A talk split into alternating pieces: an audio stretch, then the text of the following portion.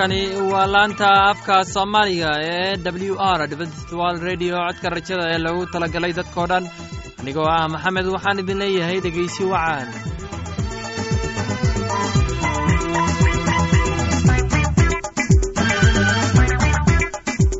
barnaamijyadeena maanta waa laba qaybood. Qaybta koowaad waxaad ku maqli doontaan barnaamijka nolosha qoyska. Uu inoo soo jeedinaya dalmar. Kadib waxaa inoo raacaya cashar inaga imaanaya bugga nolosha. Uu inoo soo jeedinaya cabdi maxamed. Labadaasi barnaamij ee xiisaha leh waxaa inoo dheeraysa daabacsan oo aynu idiin soo xulinay kuwaas oo aynu filayno inaad ka heli doontaan. Dhegeystayaasheenna qiimaha iyo khadradda lahow waxaynu kaa codsanaynaa inaad barnaamijkeenna si haboon u dhegeysataan haddii aad wax su'aalaha qabto ama aad haysid wax talo ama tusaale fadlan inala soo xiriir dib ayaynu kaaga sheegi doonaa ciwaankeenna. Bal intaynan u gudagalin barnaamijyadeena xiisaha leh waxaad marka hore ku soo dhowaataan heestan daabacsan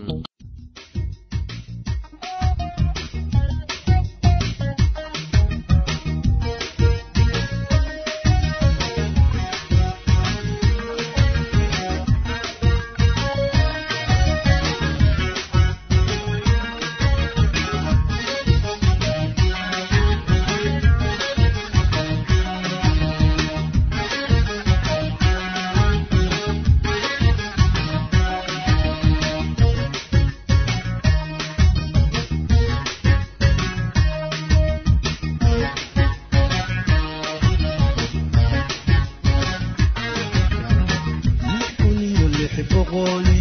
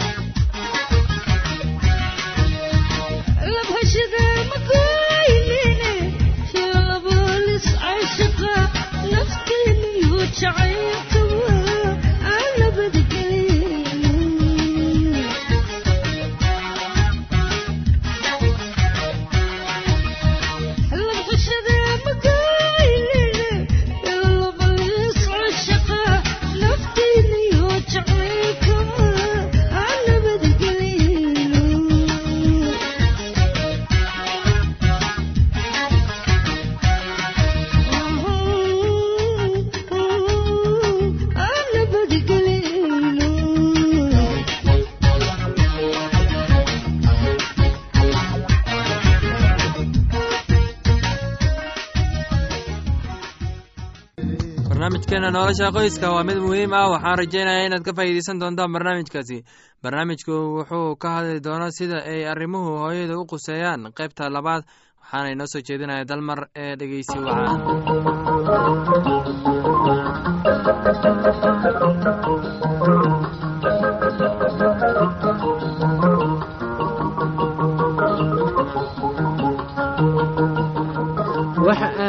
aad ku soo dhowaataan dhegaystayaasheenna sharafta lahow barnaamijkii nolosha qoyska. Waxaana idiin soo jeedinaya aniga oo ah dalmar. Muran iyo qaylo ayaa dhalanaya marka qofku isku dayo inuu bedelo qofka uu la nool yahay. Waa mid caadi ah salna oo ah farxaddeenna si aynu u dareenno in nala xushmeeyey oo nalagu jecel yahay nagulana aqbalay sida aynu nahay waxaynu dareemaynaa deganaan la'aan marka nalagu khasbo inaynu xoog ku bedelno dabeecadeenna marka waa muhiimad inaynu aqbalno kala duwanaanshaha waxa kale oo aynu u baahannahay inaynu xushmayno una dulqaadanno kuwa kale. Waxa aan la yaabanahay inaad aragtay duco lagu qoray waraaqaha xayeysiinta ama kuwa loogu talagalay in derbiyada lagu dhejiyo ama lagu soo halqaaday buwaagta taas oo leh. Ilaahow waxaad iga dhigtaa midka sidooda ku qaata waxyaalaha aan la bedeli karin. Waxaad isii siisaa dhiirigelin aan ku bedelo waxyaalaha aan karo iyo caqli aan ku kala garto faraqa u dhexeeya. Ducadan waxay ku habboon tahay xaalad qoys. Waxaa jira kuwa badan oo isku dayey inay bedelaan qofka ay wada nool yihiin sida xaaska. Taasina waxay kicisay qaylo iyo muran. Inkasta oo ay fiican tahay waxa uu qofku doonayo haddana ma ahan mid shaqaynaysa. Maxaa loola jeedaa marka la leeyahay ogolow ama aqbal qofka aad wada nooshihiin waxaa loola jeedaa in xaaskaaga ama ninkaaga aad u aragtid inay qiimo leeyihiin. Waxa weeye adiga oo ku jeclaata kuna xushmaysa qofka sida uu yahay. Inaad u ogolaatid xuquuqdooda garatidna intooda ay ka duwanaan karto taada.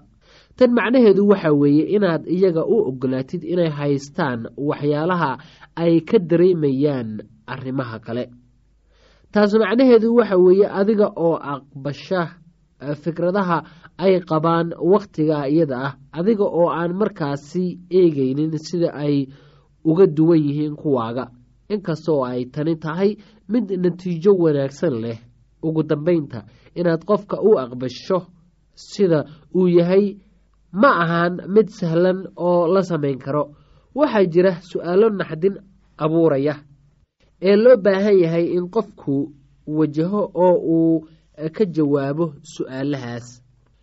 Qaar ka mid ah su'aalahaasi waxa weeye miyaan qof u aqbali karaa sida uu yahay maadaama sida aan aniga u arko nolosha uusan isagu u arkin.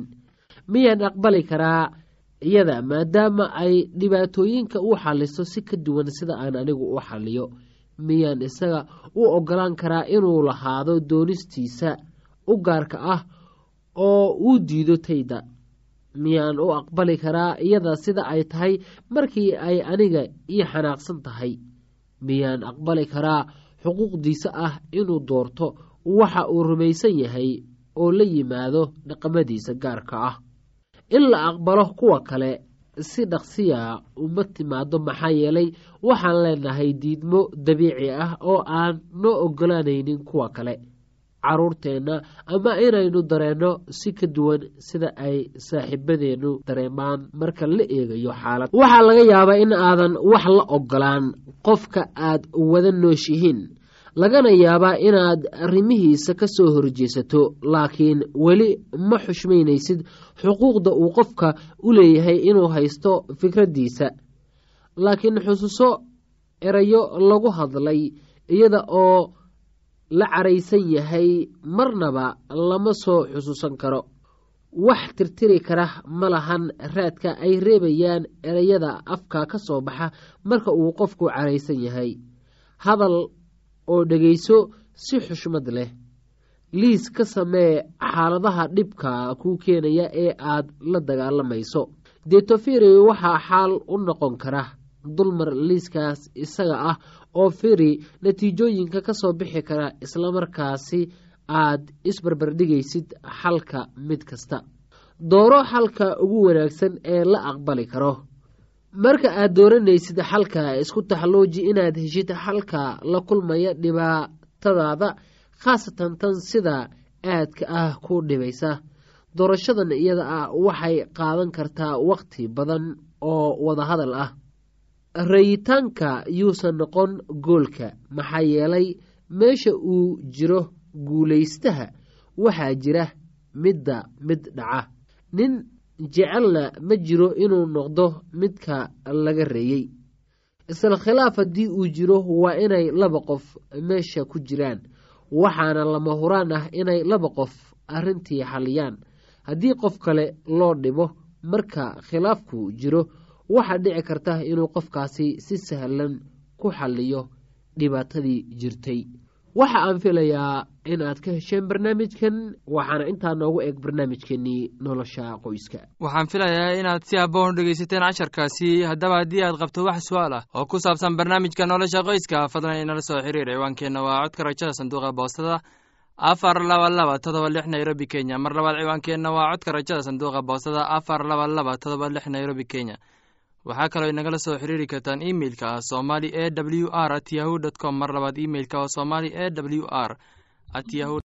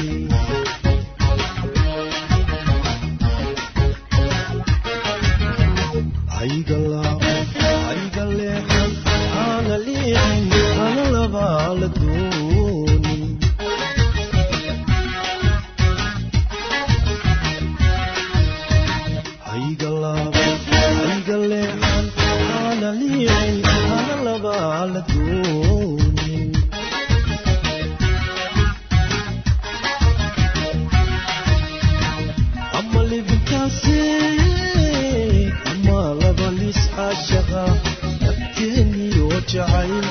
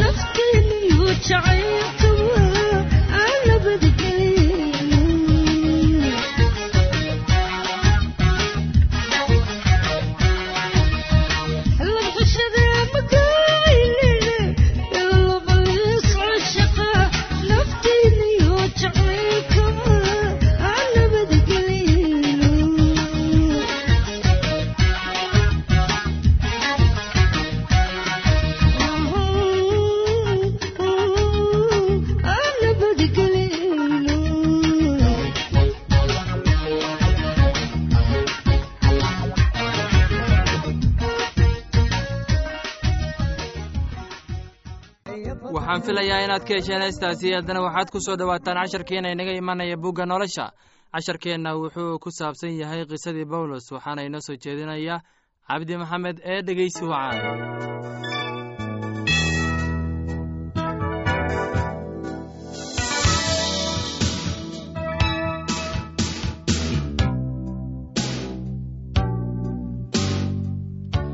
dhegeystayaal weli waxaan ku jirnaa qisadii bawlos anigu waan beeray abolosna wuu waraabiyey laakiin ilaah baa koriyey. Taa aawadeed waxba ma aha kan beera ama kan waraabiya laakiin waa ilaah kan koriya kan beera iyo kan waraabiya waa isku mid laakiin mid kasta wuxuu heli doonaa abaalkiis siday hawshiisu ahayd wuxuuna nahay kuwa ilaah la shaqeeya. Idinkuna waxaad tihiin beerta ilaah iyo ilaah addoomihiisa. Sida dhise xigmad leh waxaan aasaaskii ku dhigay nimcadii ilaah siiyey oo mid kalena wuu ka dul dhisayaa laakiin mid kasta ha ka fiirsado siduu ugu dul dhisayo waayo ninna ma dhigi karo aasaas kale kan la dhigay mooyaane oo ah rabbiga.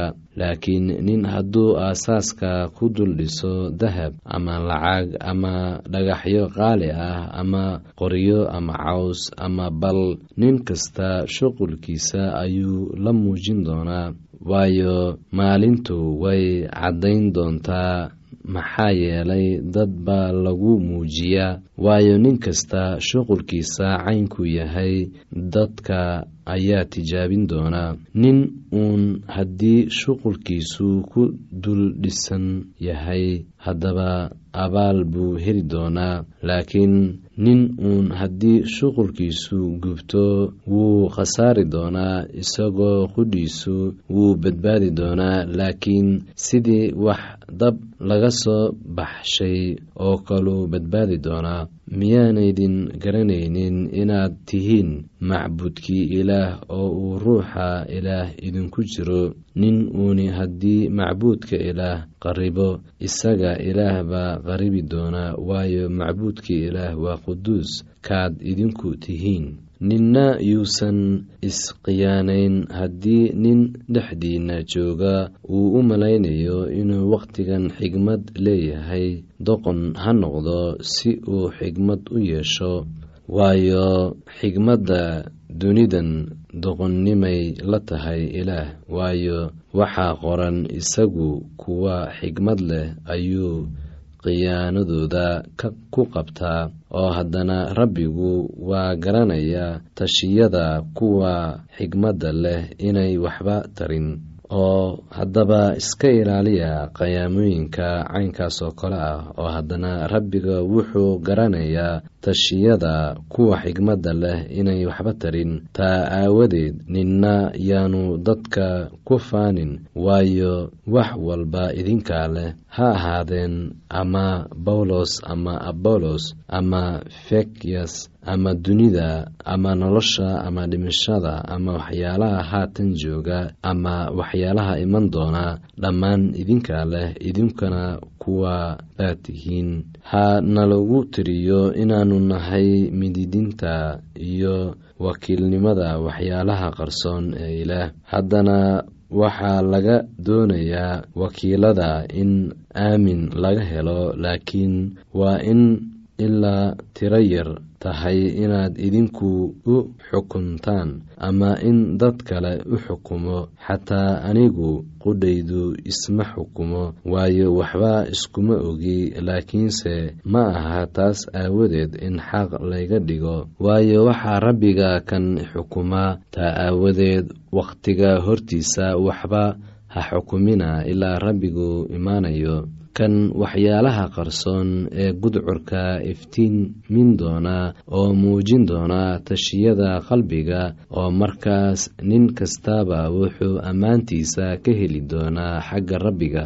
Dhegeystayaasheena qiimaha qadarinta mudano waxaynu intaas kaga sii hakan doonaa qisadii korintos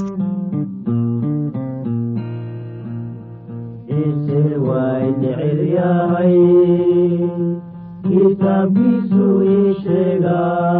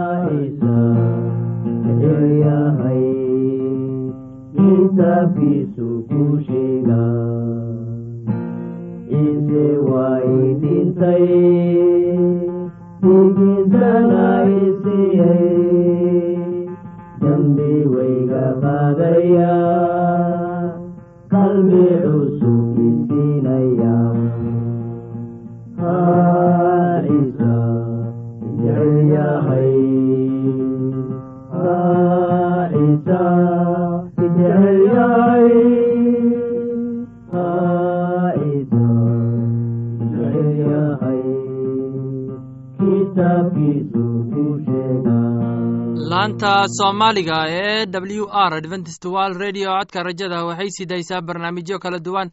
Waxaana ka mid ah barnaamij ku saabsan kitaabka quduuska oo aan mar weliba sheegno ay weheliyaan. Barnaamijyo isugu jira caafimaad nolosha qoyska iyo heese aad u wanaagsan oo aad ku wada maqsuudi doontaan. Casharkaasi inaga yimid bugga nolosha ayaynu ku soo gogweyneynaa barnaamijyadeena maanta. Halkaad inagala socoteen waa laanta afka soomaaliga ee codka rajada ee lagu talagalay dadkao dhan haddaba haddii aad doonayso inaad wax ka korsato barnaamijka caafimaadka barnaamijka nolosha qoyska ama aad doonayso inaad wax ka barato bugga nolosha fadlan inala soo xiriir ciwaankeenna waa codka rajada sanduuqa boostada afar laba laba todoba lix nairobi kenya. Mar labaad ciwaankeenna waa codka rajada sanduuqa boostada afar laba laba lix todoba nairobi kenya. Waxaa kaloo inagala soo xiriiri kartaan emeilka somali e w r at yahu dt com. Mar labaad emeilku waa somali e w r at yahu dt com. Dhegeystayaasheenna qiimaha iyo khadradda lahow meel kasta aad joogtaan. Intaan mar kale hawada dib ugu kulmayno. Anigoo ah maxamed waxaan idin leeyahay sidaas iyo nabadgelyo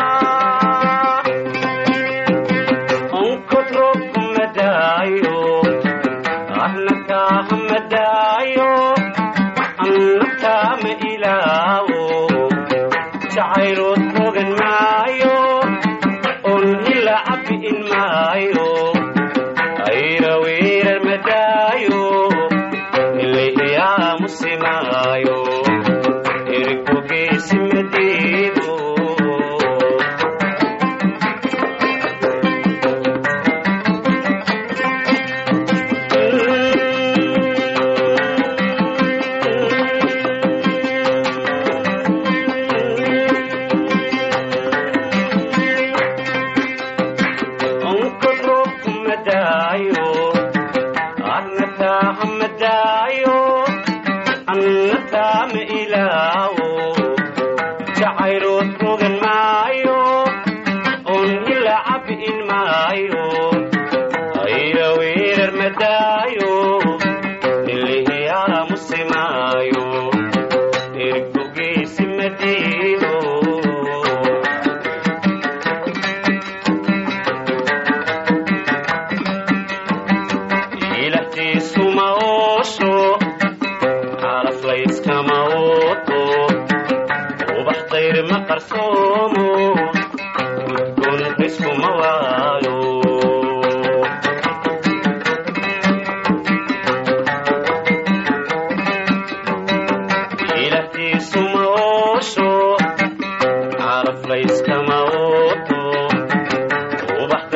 qarsoomo